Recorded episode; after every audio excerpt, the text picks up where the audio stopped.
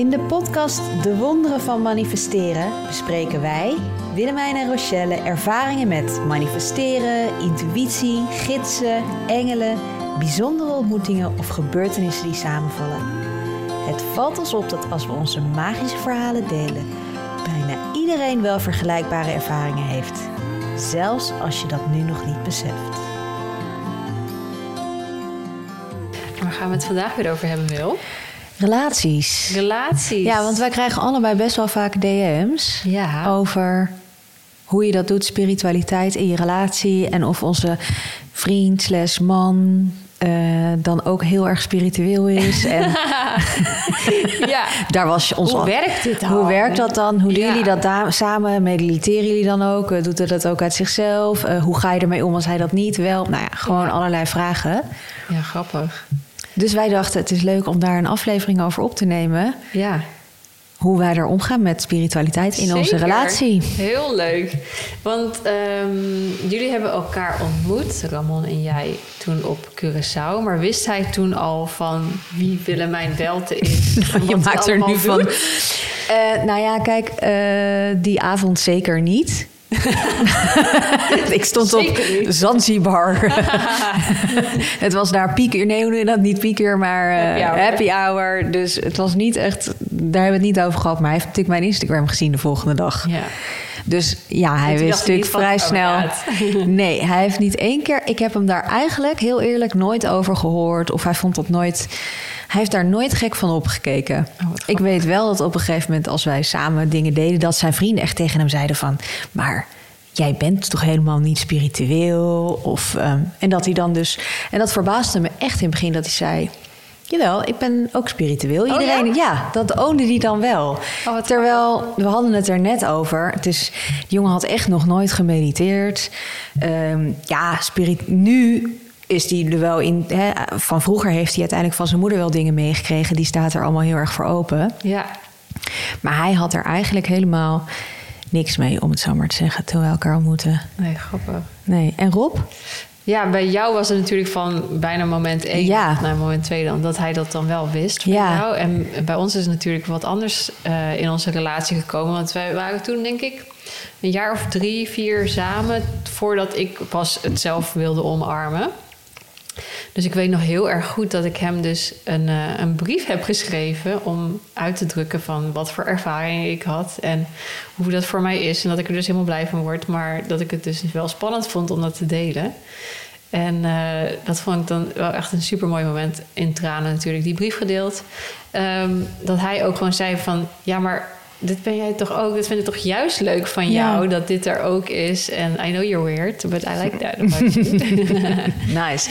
ja, dus dat Was dat eh, het vlak nadat wij begonnen zijn samen? Ja, dat is inderdaad... Want dat- toen ik jou ontmoette, was eigenlijk de eerste keer dat je natuurlijk soort van toegaf dat je die ervaringen had. En toen gingen jullie samen op vakantie Ja. naar Afrika, weet ik nog. Ja, Toen kwam je er ook achter dat je zwanger was. Ja. En eigenlijk is het vanaf dat moment heb je het gedeeld en is het helemaal open gegaan. Het is tijdens je eerste zwangerschap. Ja, dus dat kwam ik dus ook Mooie- van de week achter toen ik dit met iemand besprak. Dat wanneer dit voor mij allemaal in een stroomversnelling is gekomen, is echt tijdens mijn eerste zwangerschap. En dat dat open is gebroken. En Dat hoor je vaak, hè? want dan Ja. ontstaat er zo'n intieme relatie. ja, En elke relatie helpt je groeien, gaan we het natuurlijk eindeloos over hebben. Maar er ontstaat zo'n intieme relatie dat je toch weer dichter bij jezelf komt te staan. ja. En dat stukje van jezelf dan niet meer helemaal kan eh, ontkennen. Ja, dus Wendeltje heeft misschien wel heel erg geholpen daarbij. Ja, dat denk ik. Ja. Als je het zo zegt, dan eh, voel ik dat zeker. Ja.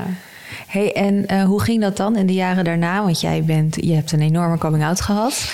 ik kwam uit de bezemkast, zeg maar. Ja, maar je bent Ja. nu wel echt out there. Ja. Met de podcast en eh, je organiseert retreats, vrouwencirkels, geeft engelensessies. Ja. Het- ja, dus hij kan er niet meer omheen, inderdaad. Nee, En ehm, gelukkig. Gelukkig. Maar hij, hij, ik heb hem wel eens een keer eh, eh, gezegd van samen, zullen we samen mediteren? En dat doet hij dan ook heel erg lief. Maar hij, hij kan er niks mee. Nee, hij gaat Nee. zitten en hij denkt aan honderdduizend dingen tegelijk. Volgens mij Oh ja. heeft hij ook ADHD of iets in die trant. En eh, dan zit hij alleen maar te denken dat zijn teen verkeerd zit. Of zijn broek zit een, zit een lepeltje, weet je wel. Dus hij kan zich ook totaal niet focussen op iets of whatever. Dus mediteren voor hem is niet echt iets wat wij uh, samen doen. En kaartjes trekken, of de engelen, of cirkels, of ademsessies? Nee.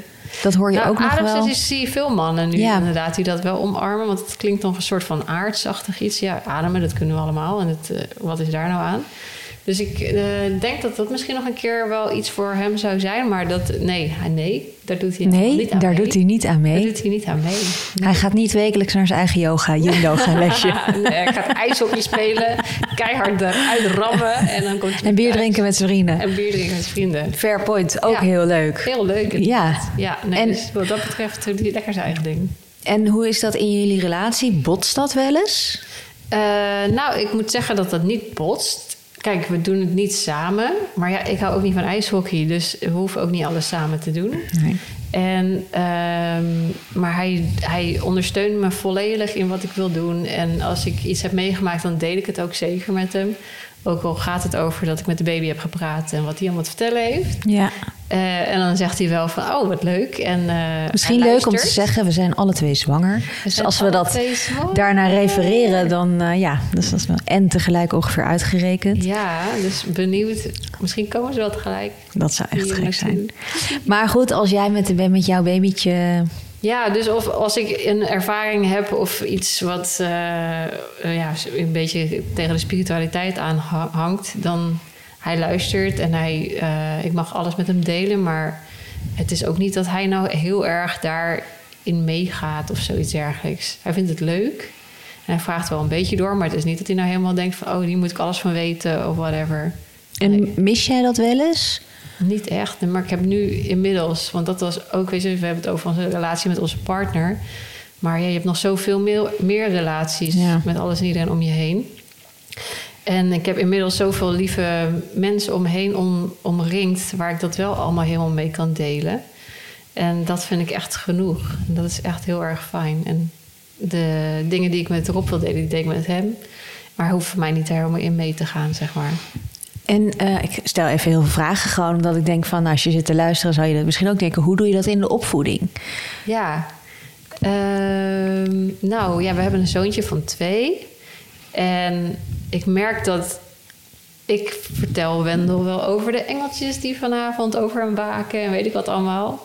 Maar dat, dat soort dingen doet Rob ook verder niet. Nee, oké, maar hij, het is niet zo dat hij zegt: praat me zo geen onzin aan of zo. Nee. He, dat hoor je ook nog oh, wel eens. ja, nee, je hoort natuurlijk best wel vaak dat hè, een van de twee dan wat spiritueler is en die ander vindt het dan echt onzin en gaat het ook een beetje afzeiken, is misschien ja, bagatelliseren of nou, nou, nou. Ja. Uh, Neem het nou. allemaal niet zo serieus, een beetje kleineren. Ja, uh. precies. Nee, dat doet hij eigenlijk helemaal niet. Dus uh, Wendel houdt heel erg van stenen. Mooi. En die haalt dus al mijn stenencollectie. Hij pakt ze ook de hele vast en die houdt die bij zich. En die stopt die in zijn broekzak en weet ik wat. Ah, of in zijn mond. En uh, dan denk ik toch, oh ja, hij pakt toch altijd... Hij vindt het heel leuk, want die, of op straat pakt hij ook gewoon alle steentjes natuurlijk. Leuk. alle stenen hebben een eigen energietje. Ja. Uh, dus dat is wel grappig. En ik had later inderdaad ook een vriendinnetje. En die, haar zoontje is wat ouder. En die strijkt ze dan ook af aan het eind van de dag om de energie echt te vegen. En ze vertelde ook dat haar uh, man dan denkt van... ja, maar hoe moet ik dat dan doen? En hoe werkt het dan? En hij gaat er ook in mee hoor, dat is super lief. Maar dat hij dus wel denkt van... ja, maar hoe werkt dat dan? En dat het gewoon is van ja, gewoon zo vegen. Alsof je uh, zand van zijn broek afveegt. Oh, oké. Maar dus wel heel sportief. Ja, super supportive. Dat vond ik ook heel erg lief om uh, te zien bij hun relatie... hoe dat zo gaat. Ja. Ja, fijn. Bijzonder. Ja. Mooi. Fijn. Nou ja, dat is dus eigenlijk al wel fijn. Dus wat dat betreft hebben we allebei wel een man die het. Maar die van jou, die gaat er echt in mee. Die gaat, die gaat daar wel in mee. dingen doen, zeg maar. Hij gaat daar zeker in mee. Hij heeft natuurlijk heel erg zijn eigen ding. Uh, en uh, uh, qua ook gewoon mannen, ook gewoon man, weet je wel. Voetbal, bier, gewoon alles wat je erbij bedenkt. En hij gaat ook niet naar zijn eigen yogalesjes. En hij heeft ook niet dat hij nou zelf uh, clubjes en mannencirkels en dat soort dingetjes heeft.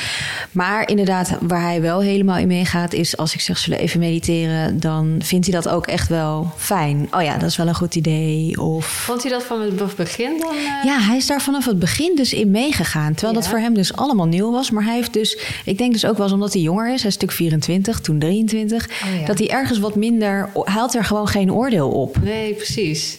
Hij heeft er gewoon wat minder oordeel op. Hij vindt het ook niet heel eng. Dus ik weet nog het eerste moment dat hij op een gegeven moment... Uh, ja, dat hij dingen heel spannend vond. Ik zei, nou, we gaan even mediteren. En dan had ik ook een mantra opgezet. En dat hij dat zo lekker vond. En ik zag helemaal een soort van, nou, alsof hij eh, op een festival stond. Zo was hij aan het... Hij ging helemaal open. En dat hij zei, oh, mag het nog een keer? Oh, echt? Ja. Oh, wow. En dat was voor hem ook het eerste moment dat hij engeltjes zag. Dus hij is daar, hij ziet, hij ziet en voelt soms meer dan ik. En um, nou, ik zei jou ook al dat hij dan gisteravond ineens een beeld binnenkrijgt uh, van bepaalde dingen. Uh, ook in het begin met de baby. Dus echt, uh, hij voelde zeker in het begin was hij een beetje mijn echo. Hij kon echt tegen me vertellen hoe het met de baby ging. Of dan zag hij de baby echt. Ja, zag hij de baby voor zich. Of ziet hij de baby echt liggen. En hij omschreef dan ook echt dingen die uh, ja, die, die, niet kon, die die niet kon weten. Nee. Dus hij heeft, ik denk dat het ook is dat hij een bepaald gave of een bepaald talent heeft. En ineens komt dat een soort van helemaal eruit. Maar het is niet dat hij daar dus uit zichzelf nu enorm. Hij is er echt geen boek over aan het lezen en geen podcast over aan het luisteren. En het is ook echt niet dat wij hier s ochtends elke ochtend in een ritueel uh, allerlei dingen doen. Het is allemaal heel speels en van hé, hey, uh, zullen we even mediteren of ik weet wel dat ik op een van die eerste dates, want ik dacht toch dat het niet echt serieus zou worden.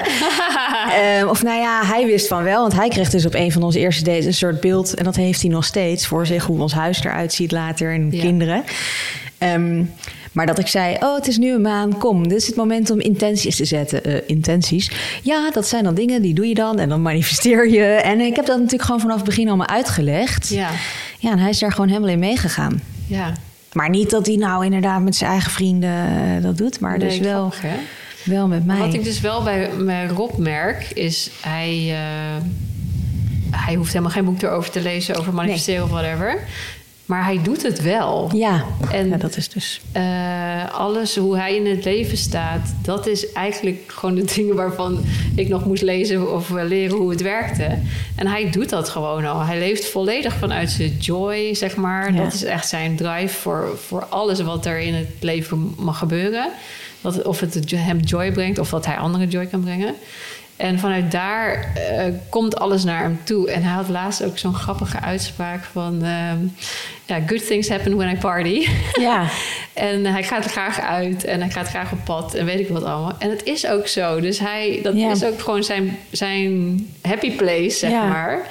En dan komen er ook mensen naar je toe. Wij hebben elkaar ook ontmoet met uitgaan. Uh, dat ik denk van ja, uh, je hoeft niet per se een boek te overlezen, maar als je gewoon al zo dat in is het leven het. staat, dat dan, is uh, het. Is het al helemaal top? Dat is het. Dat is, dat, is, dat is het echt precies. Dat is het eigenlijk bij ons ook. Dat het gewoon een soort levensstijl is en hij gaat ja. daar gewoon in mee. En verder niet zoals wij daar dan de verdieping in zoeken ja. en eindeloos boeken. Oh, nou, hij heeft mijn boeken natuurlijk gelezen. Ja. Maar de verdiepingen zoeken, de podcast over luisteren en cirkels doen. Uh, en, en ons daar een soort van actief mee bezighouden, Ja. dat niet. Ja, en wat ik ook wel heel erg grappig vind met Rob is dat hij prikt zo door mij heen altijd. Hij kan mij zo goed lezen en begrijpen. Uh, dat ik daar ook nog gewoon van kan leren, zeg maar. Dus hij kan, en hij kan heel goed naar zijn eigen intuïtie luisteren. Mooi. Weet je wel, los van of je dat nou hebt geleerd of niet. En da daar helpt hij mij ook echt mega mee. Dus dat is ook wel grappig om te merken dat, ja, dat hij gewoon het op zijn eigen manier al helemaal toepast en doet. Ja, knap hoor. Ja. Ja, dus wat dat betreft, maar ik krijg natuurlijk ook wel veel vrouwen, vra vrouwen, zijn wel vaak vrouwen, vragen van ja, mijn man gelooft er niet in. En uh, ja, ik voel me daar toch wel eenzaam in. Ja. En, en daarin is dus eigenlijk een beetje ons verhaal van zorg dat je het voor jezelf in je leven verweeft en een omgeving creëert, ook met anderen. Bijvoorbeeld door naar de yoga te gaan of naar retreats Ja. te gaan. En ik denk ook... Dat je relaties aangaat met mensen die. Ja, je hoeft niet per se het in jouw uh, liefdesrelatie te halen. vinden. En ik denk ook dat er een eh, verschil uh, komt in hoeverre jij het omarmt. Dus als jij helemaal oké bent met jouw spiritualiteit of met wat je, waar je in gelooft of wat voor jou werkt, um, dan kan iemand anders ook het belang ervan zien. Uh, en dan kan je dat ook op die manier uitleggen. Dat jij er dus heel veel waarde aan hecht aan je mediteren, aan het connectie hebben met het universum of whatever jij wil dat het is. Want als jij dat echt gelooft en omarmt, ja, dan wat heeft iemand anders er nog van te vinden? En als je nog zelf in je twijfel zit, dan ja, word je daarin telkens getriggerd. getrapt als iemand zegt van, uh, ja, zit je weer te mediteren of zo. Ja, dan, dan voel je het ook vaker sneller als een oordeel. Ja, ja. Dus ik denk dat daar ook. Dat vind ik wel echt mooi wat je zegt. Op het moment dat jij jezelf daarin helemaal hebt omarmd en iedereen, iemand heeft daar een oordeel op. Maar als je het zelf helemaal omarmt, dan zie je dat dat een oordeel van een ander is. En als je zelf daar nog over twijfelt, dan voel je het meer als een aanval. Ja, ja.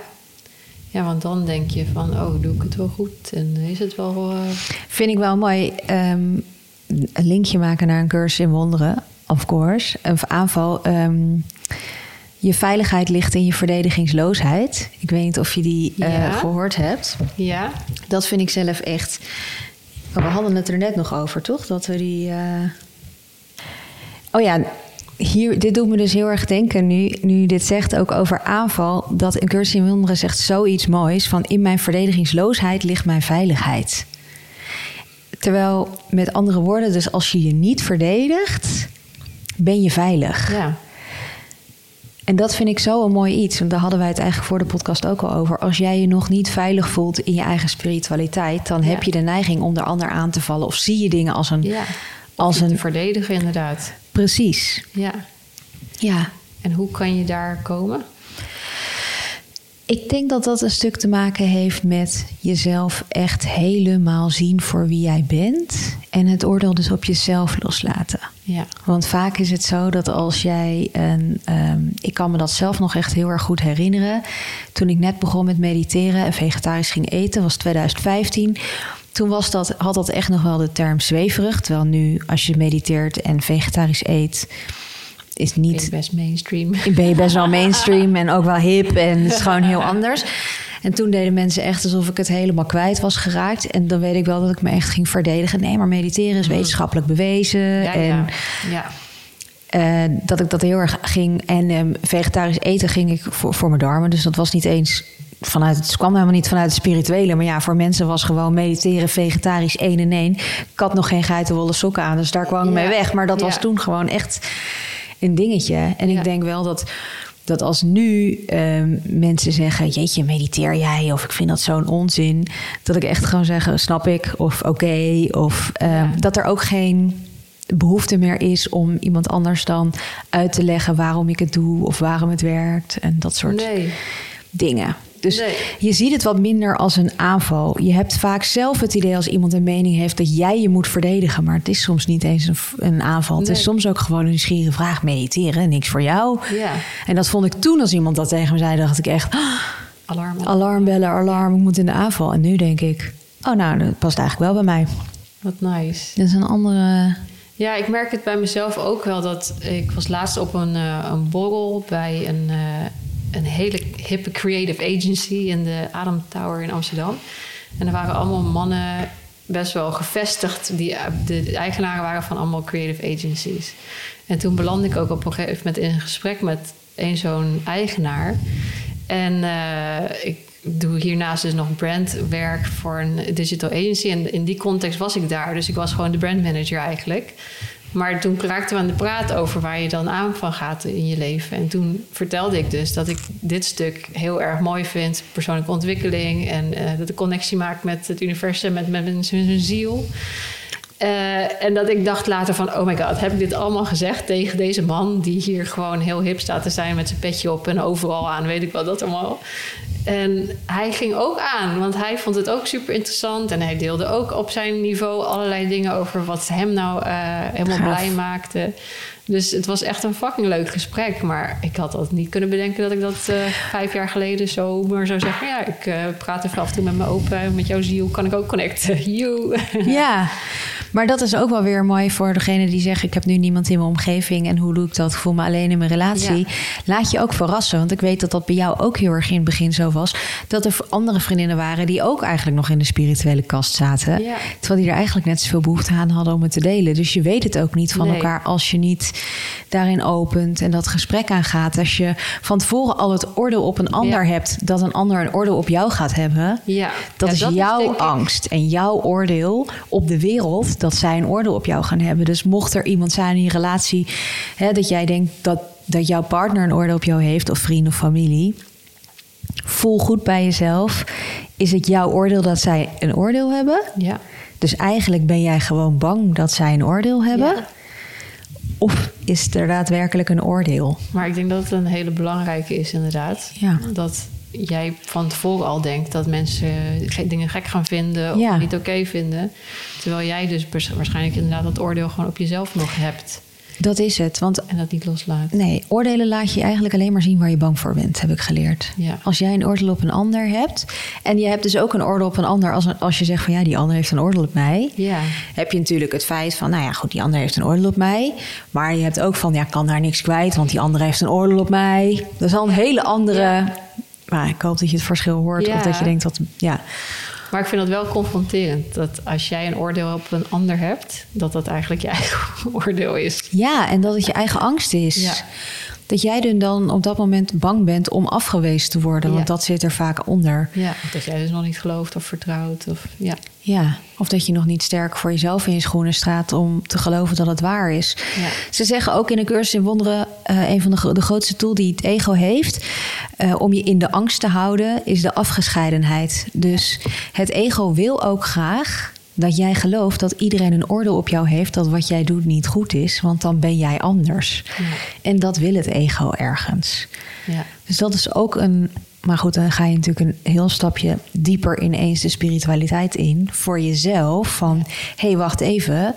Ik merk dat ik een oordeel heb op dat een ander niet spiritueel is of daar niet voor open staat. Ja. Daarmee maak ik eigenlijk de afgescheidenheid tussen ons groter. Ja. Want we zijn allemaal één. Ja. En de ander is een reflectie van mij. Dus op welke manier kan ik dat stukje van mij ook accepteren? Ja, ja heel mooi.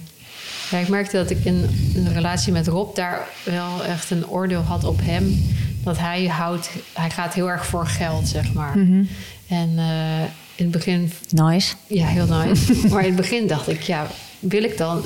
Kan, kan ik dan bij iemand zijn die zo uh, op geld gefocust is? Hoe, hoe, klopt dit dan? Hoe werkt dit dan? Maar toen heb ik met hem ook een keer een gesprek gevoerd van uh, ja, dat ik dat best wel een dingetje vond. En voor hem zit daaronder vrijheid om te doen wat we kunnen willen met ons leven. En dat we nooit de keuze hoeven te maken. En dat we alles mogen doen en ons leven het allerleukste kunnen maken, whatever. Toen dacht ik, ja, dat wil ik ook. Dus soms dan denk je ook van, oké, ik heb een oordeel, want jij vindt dit. Maar er zit dan soms toch lagen onder waar je elkaar toch weer vindt dan uiteindelijk. Maar dat is, dat is wat je nu omschrijft, is zo mooi eigenlijk maak je dan een shift in perceptie van angst naar liefde. Want jij, zei, jij bent bang dat hij een oordeel heeft. En, uh, of sorry, jij bent bang dat hij alleen maar voor het geld gaat. Terwijl als je gaat kijken waar hij, vanuit liefde waar hij voor gaat, dan Ja. kom je er dus achter dat het vrijheid is. Ja. En dat je dat allebei hetzelfde wil en dat je allebei je eigen manier hebt om daar te komen. Ja, Super mooi. ja, ja, dat was een mooi moment. Want eigenlijk was, zat ik een beetje gefrustreerd met mezelf. Ik weet nog, ik zat in de auto toen dat ik dacht van... Hoe, weet je, dat ging een lijstje maken van wat vind je belangrijk in je leven. En opeens stond bij hem echt zo geld. Dat ik dacht van, hoe kan dat nou? Maar ja, uiteindelijk zat de onderliggende drijfveer was echt gewoon vrij. Toen dacht ik, ja, oké, okay, die voel ik ook gewoon totaal. Dat is wel echt een hele mooie tip dus ook als je meer verbinding wilt vinden in je relaties. Dat je dus een lijstje gaat maken met wat jouw waarden zijn. Ja. En wat jouw non-waarden zijn. Dus wat Ja. je belangrijk vindt en wat je niet belangrijk vindt. En die dan met elkaar gaan bespreken. Ja, Want dan kom je vaak achter Heb je dat met de Camon mooie. Nee, dat hebben wij helemaal nog niet gedaan. Het is, het is een opdracht in mijn boek. Ik heb, nou, dat is niet waar. Ik heb het wel gedaan. Want ik heb ooit dat lijstje van de opdrachten uit mijn boek heb ik gemaakt. Twee of drie jaar geleden al. Ja. Ik heb het aan mijn best vriendje laten zien. Aan mijn familie laten zien. En ik heb het ook aan Ramon laten lezen. Dus die weet het inderdaad wel. Dus dat hebben wij inderdaad wel gedaan. Ja. Ja. Ja. die oefening hebben wij toen ook gedaan. En ik vond het wel mooi om te zien dat wij samen Mhm. heel, heel erg overeenkomen op de waarden en non-waarden. En wat je belangrijk vindt en eh, wat je wel en niet leuk vindt. Do's en don'ts is ook een stukje ervan. Ja, klopt. Ehm, en dat had ik ook met andere vriendinnen gedaan. En dat je dan denkt van, oh ja, jij bent echt mijn bestie. En ik voel dus ook echt dat dat heel erg klopt op die waardeniveaus. Ja. Dat daar, En dat is dus, ja. precies. En spiritualiteit kan natuurlijk een waarde. Ik, had die, ik heb niet eens aan gedacht om dat als waarde neer te zetten. Bij mij was Oh, het openheid. Ja. eerlijkheid, Ja. eh, liefdevol. liefdevol, dat soort dingetjes. En dan zie je dus dat vaak de waarden hetzelfde zijn. En dat spiritualiteit ook maar een soort tool is geworden om ja, jezelf te kunnen zijn. Ja. En dat het, niet, dat het juist iets mag zijn wat verbindt. In plaats van iets wat natuurlijk een, ehm, ja, een, een, de afgescheidenheid creëert. Want dat is tegenovergestelde wat we ja. daarmee willen bereiken of zo. Hey, en met dat afgescheidenheid, dat we allemaal eigenlijk één zijn. Ja, Wat ik me nou afvroeg is, weet je wel, we zijn allemaal uniek, Mhm. maar we zijn allemaal hetzelfde. Ja mooi hè? Hoe werkt dat? Nou kijk, ik geloof dat in de kern zijn we allemaal opgebouwd uit energiedeeltjes.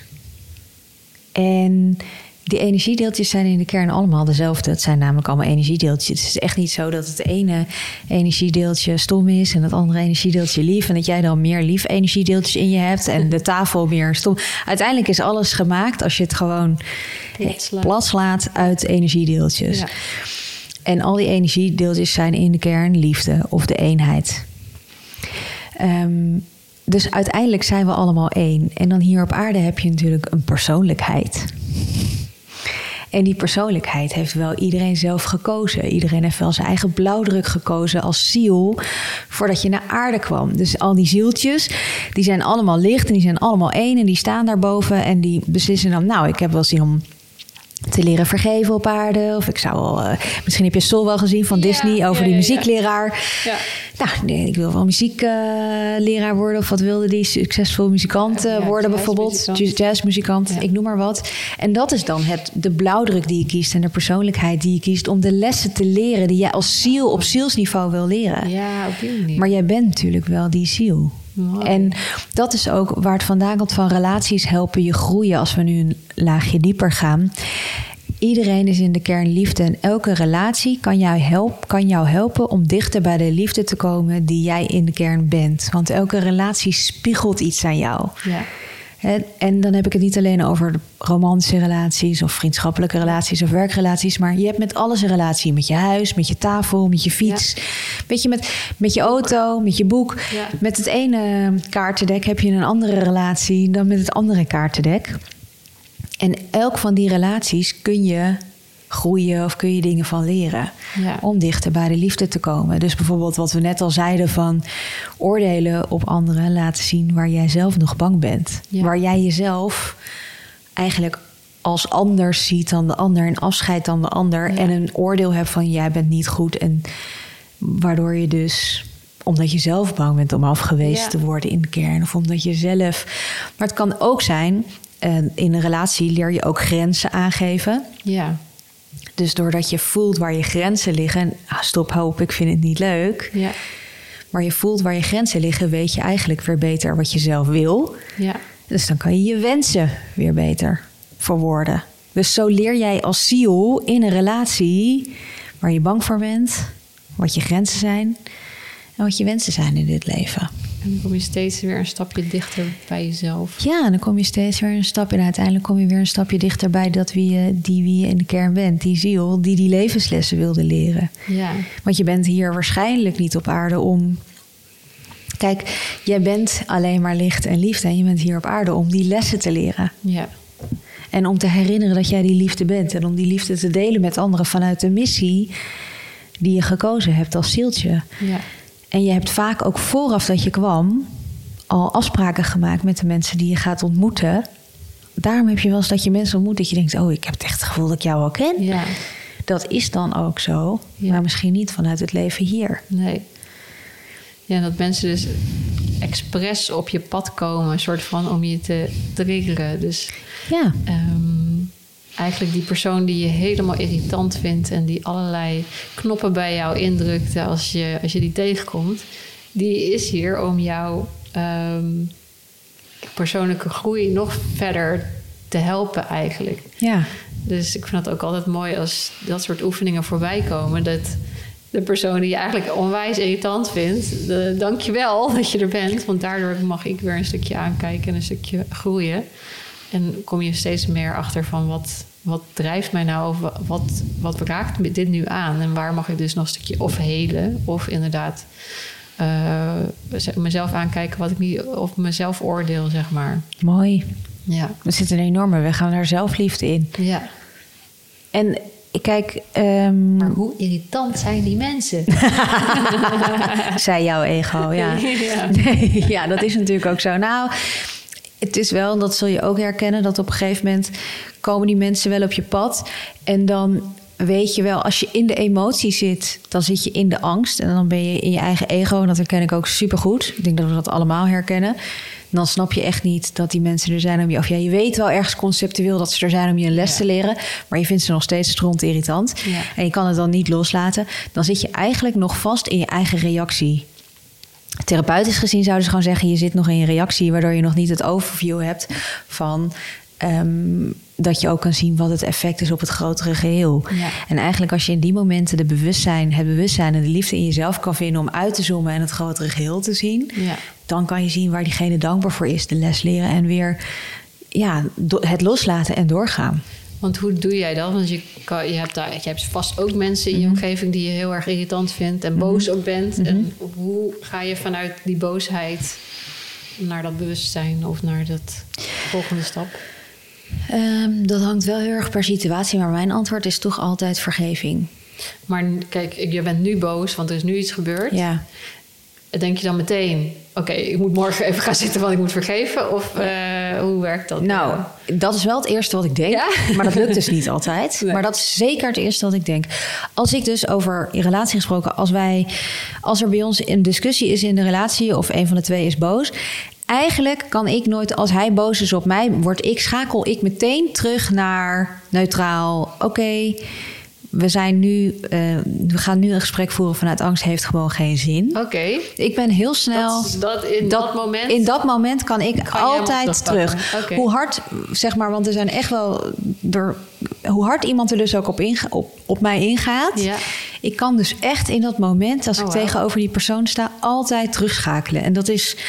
Nou, dat, dat, dat, doordat er dingen gebeurd zijn het afgelopen half jaar. Ja. In allerlei situaties weet ik dat ik ook dat het niet alleen een verhaal is wat ik in mijn boek schrijf, maar dat ik dus ook echt zo reageer. Ja. Betekent niet dat ik niet nog pijn heb, dat ik niet nog emotie heb, dat ik niet nog ook mijn boosheid heb, dat ik in één keer die persoon vergeef, maar ik kan wel in één keer uitzoomen. Ja. En dan eh, komt bij mij van, oké, eh, of we agree to disagree, of zeg maar met mijn vriend wil ik het altijd graag, een soort van natuurlijk wil je het oplossen, of dat hij ook terugkomt naar de liefde en dat je elkaar weer terugvindt eh, in, dat, in, in dat wat je allebei wil, zeg maar.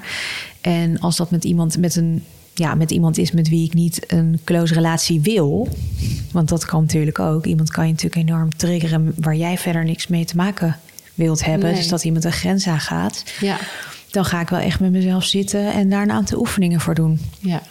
Ook om in eerste instantie mijn boosheid nog kwijt te raken. Dus ik schrijf een brief aan diegene om die boosheid los te laten. ja, want die emotie van boosheid, die mag er ook Die mag zijn. er dan zeker zijn. Ja. Ja, tuurlijk, want die, die, daar zit ik mee. Dus vaak schrijf ik dan een brief, ga ik dan even een rondje dansen of sporten en dan even mediteren. Ja. Dus eerst schrijven, dan even bewegen, die energie die eh, in je zit. En dan, Sorry. ja, en als dat gewoon te erg is, want ik bedoel, als jij heftige dingen in het verleden hebt meegemaakt en je wordt enorm getriggerd door iemand op een trauma.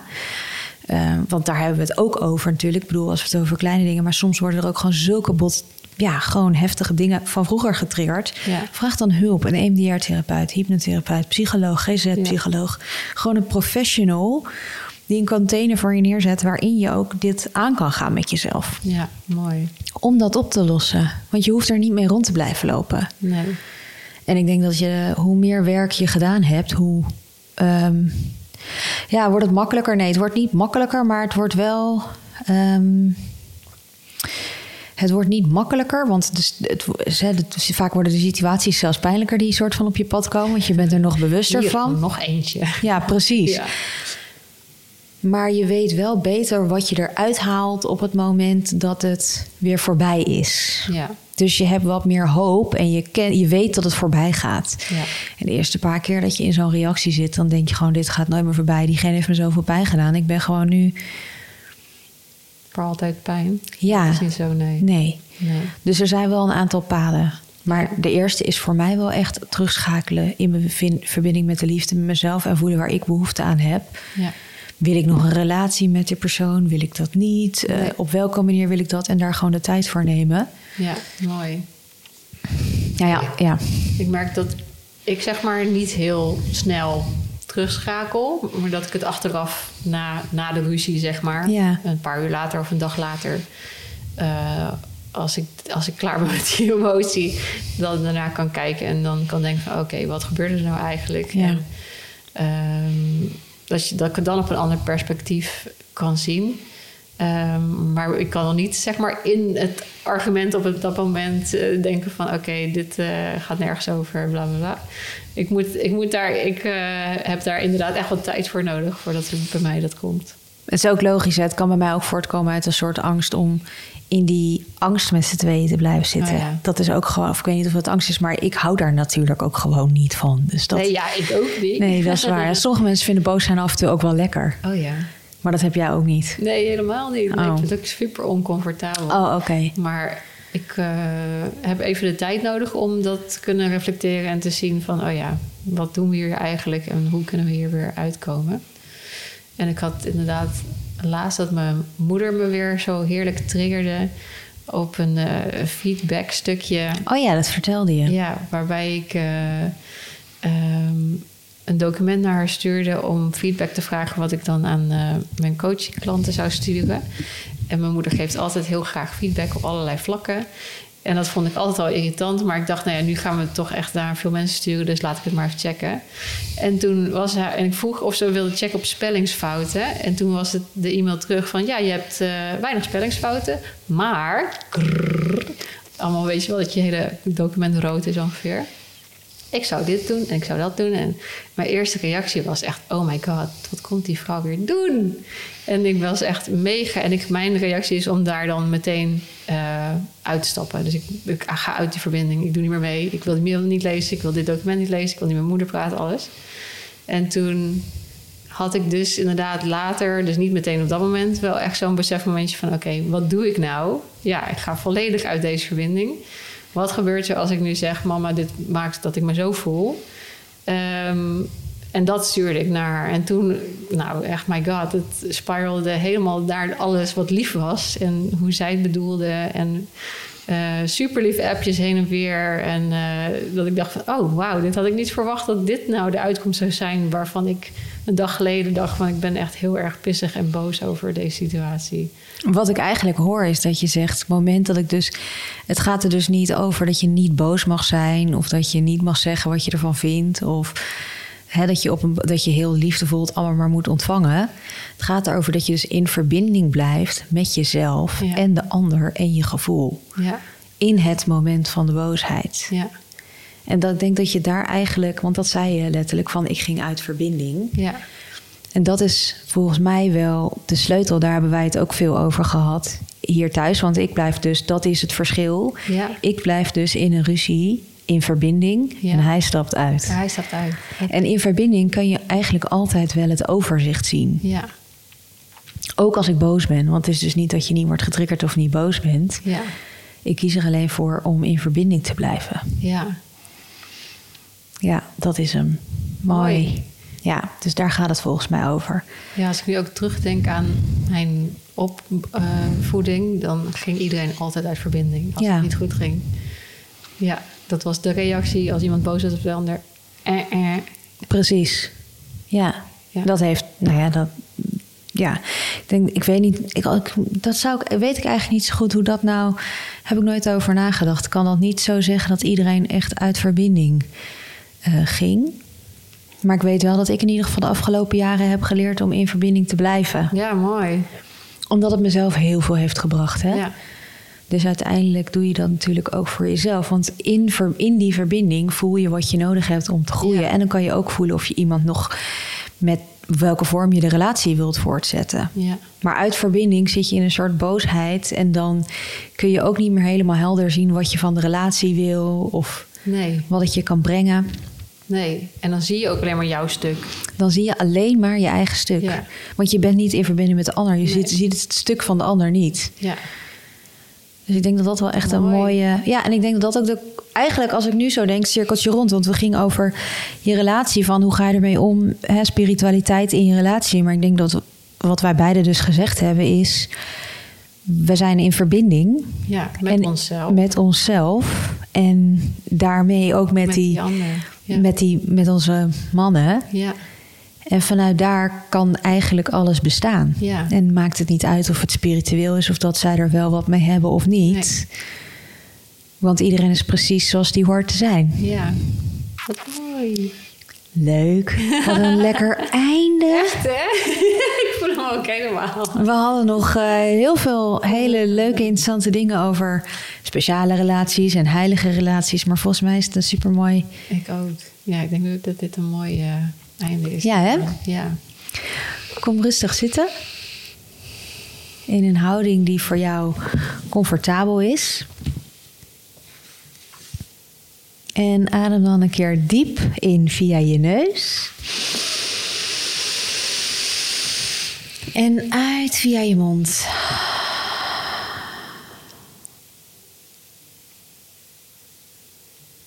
En leg dan beide handen op je hart. En vraag aan jezelf: in welke relatie wil ik nog een beetje meer liefde toelaten?